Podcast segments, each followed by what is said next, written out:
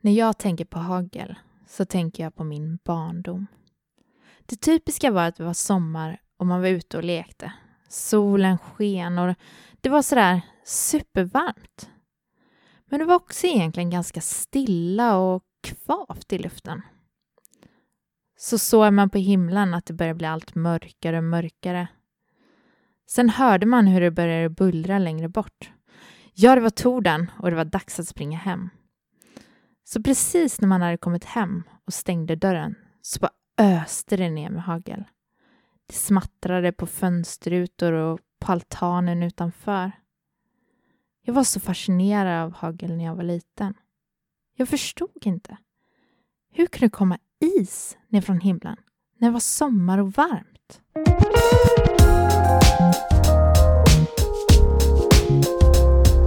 Välkomna till Värpodden som presenteras av Meteorologiskt institut.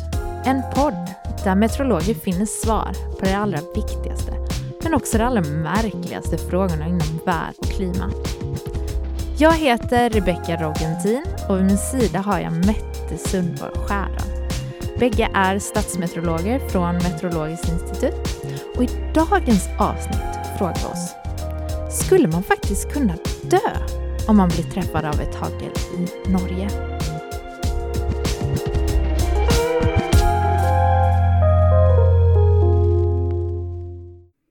Mette, om jag säger så här.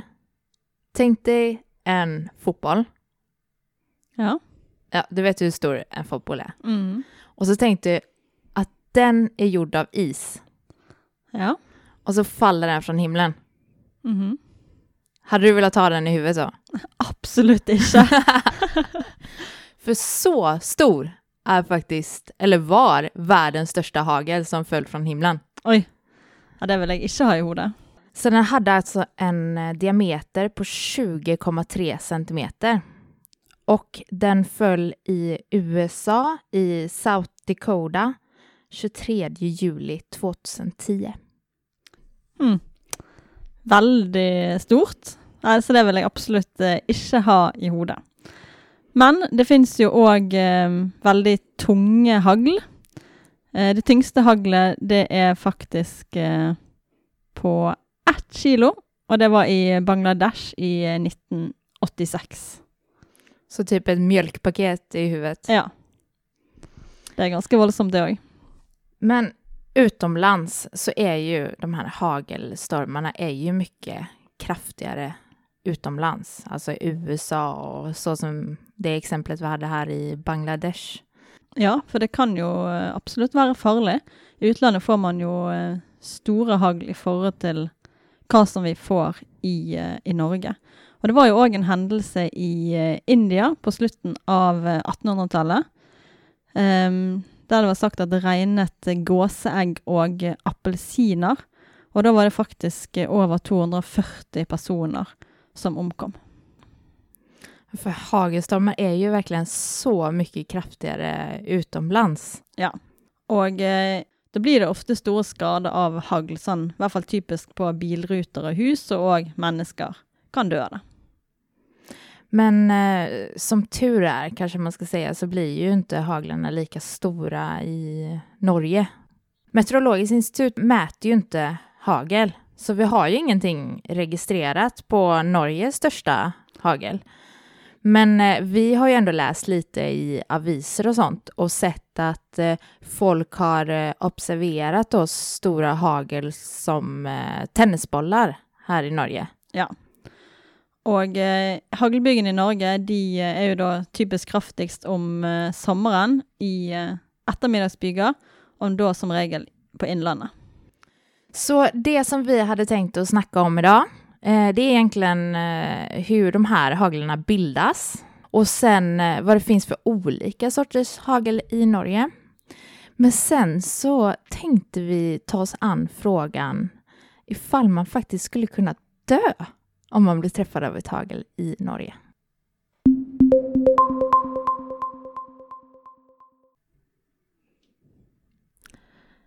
Det finns ju olika sorters hagel i Norge. Eh, det finns någonting som heter spröhagel, eh, och de är ju ganska små. De är 2 till 5 millimeter i diameter. Och eh, de är, har fått sitt namn ifrån att de är ganska sprö.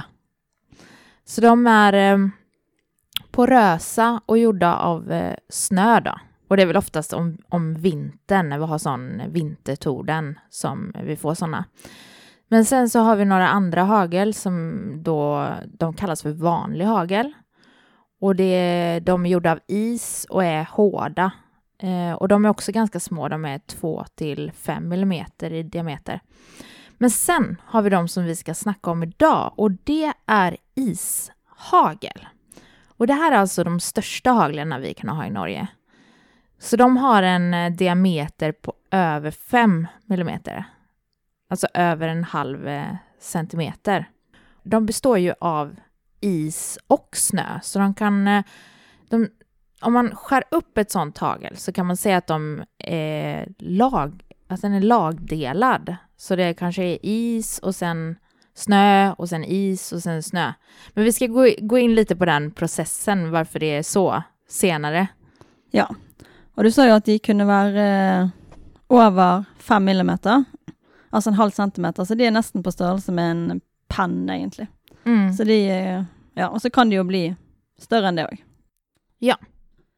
Um, och det som är lite intressant med ishagl, det är att um, det faller nästan bara när det är kraftig och uh, langvarig tordenvær, og um, aldri når det er kuldegrader på bakken. Og det er litt sånn interessant poeng, for vi får de største hagle når det er varmegrader. Altså får vi det om eh, sommeren. Og det er jo egentlig om sommeren at hagl kan bli størst. Det er fordi at da er det så mye fuktighet tilgjengelig i luften. Og fuktigheten det gjør jo at det finnes mer vann i luften, og det, og det kan bygge haglet store. Og varmen i luften den gjør at eh, vi får vinder i skyene, og vind er en veldig viktig prosess for å få dannet eh, haglet, da.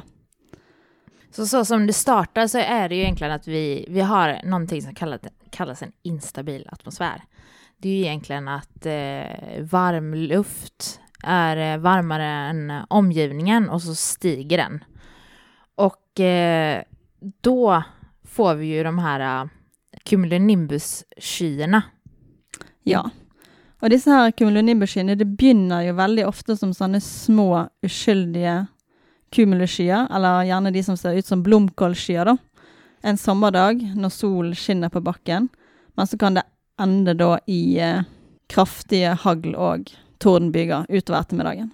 Ja, för de här skyarna, de bygger sig allt större och större utöver dagen då. Och eh, de här, eh, de är ju väldigt häftiga. Jag tror alla meteorologer älskar de här skyarna. Men eh, de, de, det skapas ju riktigt kraftiga uppåtvindar i dem. Och de, de kan ju vara så kraftiga att de kommer hela vägen upp till stratosfären. Ja, och stratosfären är ju hög. Den är ju eh, ofta 10 kilometer hög. Ja. Han kan ju bli ännu högre än det också. Men her i Norge så kan han ofte være sånn mellom 10 og 15 km. Hvis jeg tenker at han er 10 km, så er det sånn cirka fire Galdhøpiggen oppå hverandre, da. Ja, eller man kan ju också säga samma nivå som flygplanen eh, är på när de eh, flyger över till USA. Ja, hvis de skal mm. fly langt så ligger de ofte i den höjden. Men i de här cumulonimbus-skyarna så är det ju regndroppar nederst, för där är det ju plusgrader och sen är det iskristaller överst eftersom de skyarna sträcker ju sig så långt. Mm. Så när de här regndropparna kommer med uppåt vinden i de här skyarna så åker de väldigt snabbt upp eh, och så blir de egentligen underkylta. Det är väldigt speciellt. ja, det vill ju egentligen si att eh, regndroppene är i flytande form, men de är i minusgrader. Ja. Sånn at de eh, stiger oppover, og så eh, får de eh, et lag med is på seg, altså det fryser is på dem. Og når de da kommer på toppen i disse skyene, eh, så går de til siden. Da stiger de ikke mer når de eh, treffer det laget i stratosfæren der temperaturen øker. Og da begynner de å gå nedover igjen. och då faller de ner igen. Eh, för att då är, för de går lite ut åt sidan och inte är den här uppåtvinden längre. Så då faller de ner igen, men sen fångas de av uppåtvinden igen. Ja, og nede i skyen så er det jo eh, plussgrader, sånn at da får de jo eh, Så då smälter de igen. Ja. Ja. Og så blir de fanget av den oppovervinden igjen, og så fryser de igjen. ja. Så, hel, så fångas de upp hela vägen upp och så bara plötsligt fryser de igen för där uppe är det så kallt. Ja, og denne prosessen med at de går opp og ned, det kan skje. Det skjer jo flere ganger, Ja. sånn at eh, da får de flere og flere lag med is på seg. Ja, och när de haglarna blir så tunga att den här uppåtvinden inte orkar föra dem upp igen, då faller de på backen. Ja, da er de blitt så tunge at da faller de ned. Og eh, da har de jo mange lag med is på seg. Og det er jo ikke alltid så lett å se, for det at hvis vi tar et hagl i hånden, så smelter det jo veldig raskt. Men hvis man da tar det i et mikroskop, kjøler det ned, så kan man se at de er lagdelte. Og det er litt sånn som hvis man sager ned et tre, så kan man se årringene i treet. Jag kom på en jättebra idé nu. Ja. Tänk, tänk ifall man hade haft ett par VR-briller och så kunde man sitta på ett hagel upp i en Kublenimbus-sky och åka runt sådär. Upp och ner, upp och ner, upp och ner. Ja, det hadde vært eh, stilig. Kanske det är någonting för Meteorologiskt institut i framtiden.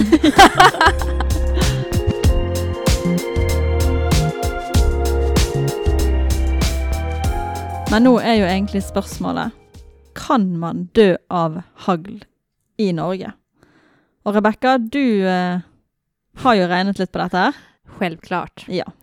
Jag tänker så här att eh, vi vill veta vad haglet har för hastighet när det träffar backen. ja. Eh, och det kan man räkna ut om man tänker ett hagel som faller från en sky så påverkas den av en tyngdkraft eh, och sen påverkas den också av ett luftmotstånd. Så när man sätter dessa eh, mot varandra så uppnår haglet sin terminalhastighet. ja. Og det er den hastigheten som det treffer bakken med. Ja, Og har du en formel for dette? ja, självklart. Ja.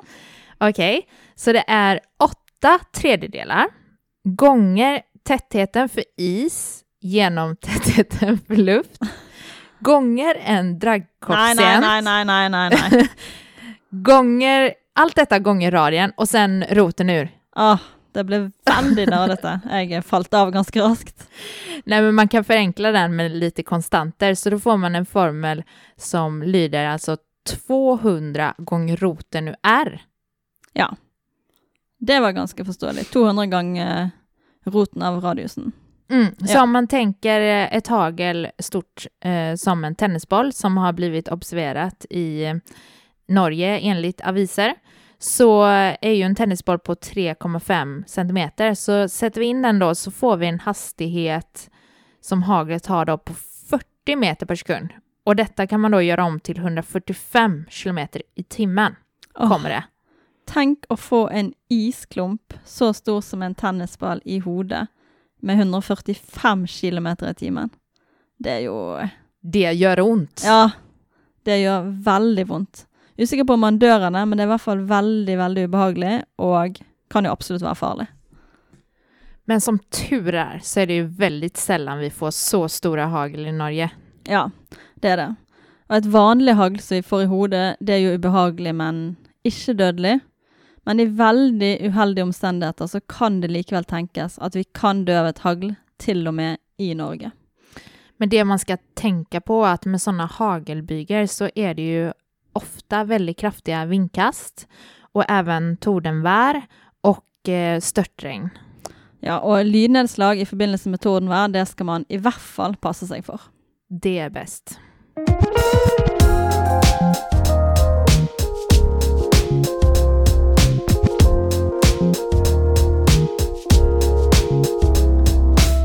Du har lyssnat på Värpodden som presenteras av meteorologerna hos Meteorologiskt institut.